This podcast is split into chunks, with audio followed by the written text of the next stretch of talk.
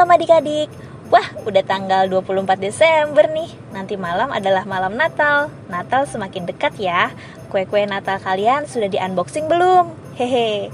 Anyway, Kavanya senang sekali loh bisa menyapa kalian kembali dalam program Renungan Harian Audio Cerdas Berpikir edisi spesial Natal yang tema besarnya adalah Kasih Tuhan. Kavanya berharap melalui edisi ini Natal kita bisa semakin penuh makna. Oh iya, ngomongin soal malam Natal, agenda kalian di malam Natal nanti apa? Mungkin kalau ada yang gerejanya sudah mengadakan ibadah malam Natal, harus wajib ikut ya. Kemudian setelah itu mungkin ada yang kumpul-kumpul jalan-jalan bersama keluarga.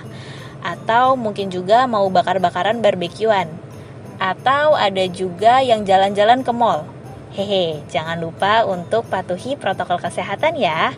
Jadi pokoknya selamat menikmati malam Natal nanti. Nah, sebenarnya di Natal pertama dalam Alkitab jauh banget loh dari kata hiruk pikuk perayaan besar dan pesta. Justru kayaknya Natal pertama itu sepi sekali. Istilahnya adalah silent Christmas. Nih ya, Tuhan Yesus waktu itu nggak lahir di dalam istana. Mungkin kalau di dalam istana ada banyak pelayan, kemudian ada pesta yang besar. Tapi Tuhan Yesus lahirnya di kandang domba. Karena dia juga terbaring di dalam palungan. Palungan adalah tempat makan hewan peliharaan yang pada waktu itu adalah domba. Tapi palungannya sudah dibersihkan loh ya. Nah, di kandang domba tentu nggak ada hingar-bingar pesta. Ya paling hanya ada suara domba. Gambaran mengenai Natal pertama di dalam Alkitab tadi mengingatkan kita akan satu hal yang sangat berharga, bahwa Natal nggak harus identik dengan kemeriahan pesta, suasana, dan lain sebagainya kita juga perlu menyediakan waktu yang namanya silent Christmas. Bukan berarti kita menjauhkan diri dari keluarga atau acara-acara Natal ya. Silent Christmas yang kafanya maksud di sini adalah kita menyediakan waktu khusus, waktu tenang untuk berdoa.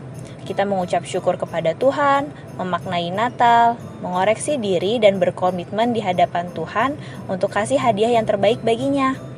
Momen tersebut juga bisa loh dipakai untuk merenungkan kembali tentang khotbah-khotbah Natal apa saja yang sudah pernah kita dengar. Momen tersebut perlu banget kita adakan. Soalnya, kalau nggak kita bikin momen seperti itu, kita bisa saja melewati Natal tanpa makna atau komitmen supaya bisa jadi lebih baik. Momen silent Christmas ini juga bisa diadakan bersama anggota keluarga lainnya loh setiap anggota keluarga bisa saja saling berkumpul, saling mendoakan, dan saling mencurahkan isi hatinya supaya hubungan di antara keluarga bisa semakin lebih baik. Kalau saudara-saudara kita di Batak, menyebutnya dengan mandok hata. Nah, pada Yesaya pasal 9 ayat 5, firman Tuhan berkata seperti ini.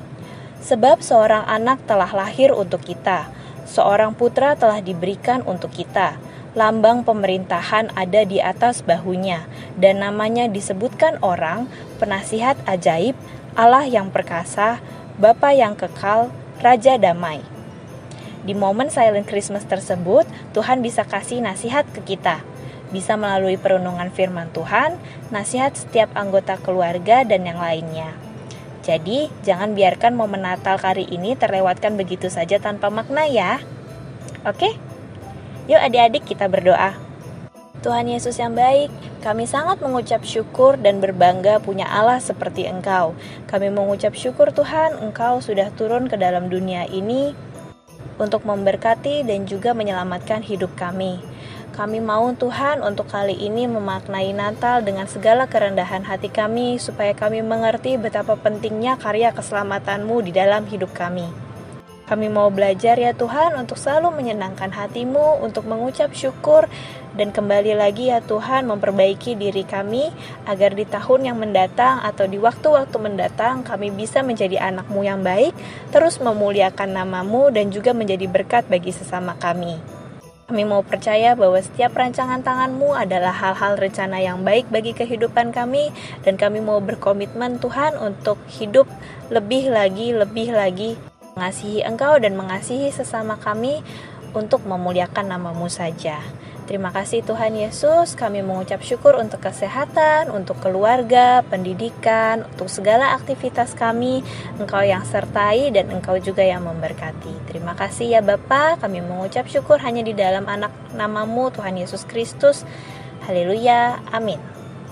Oke, Kavanya undur diri dulu ya. Ke Hong Kong beli bantal. Bantalnya berbentuk hati. Selamat menyongsong Natal. Tuhan Yesus memberkati. Dadah.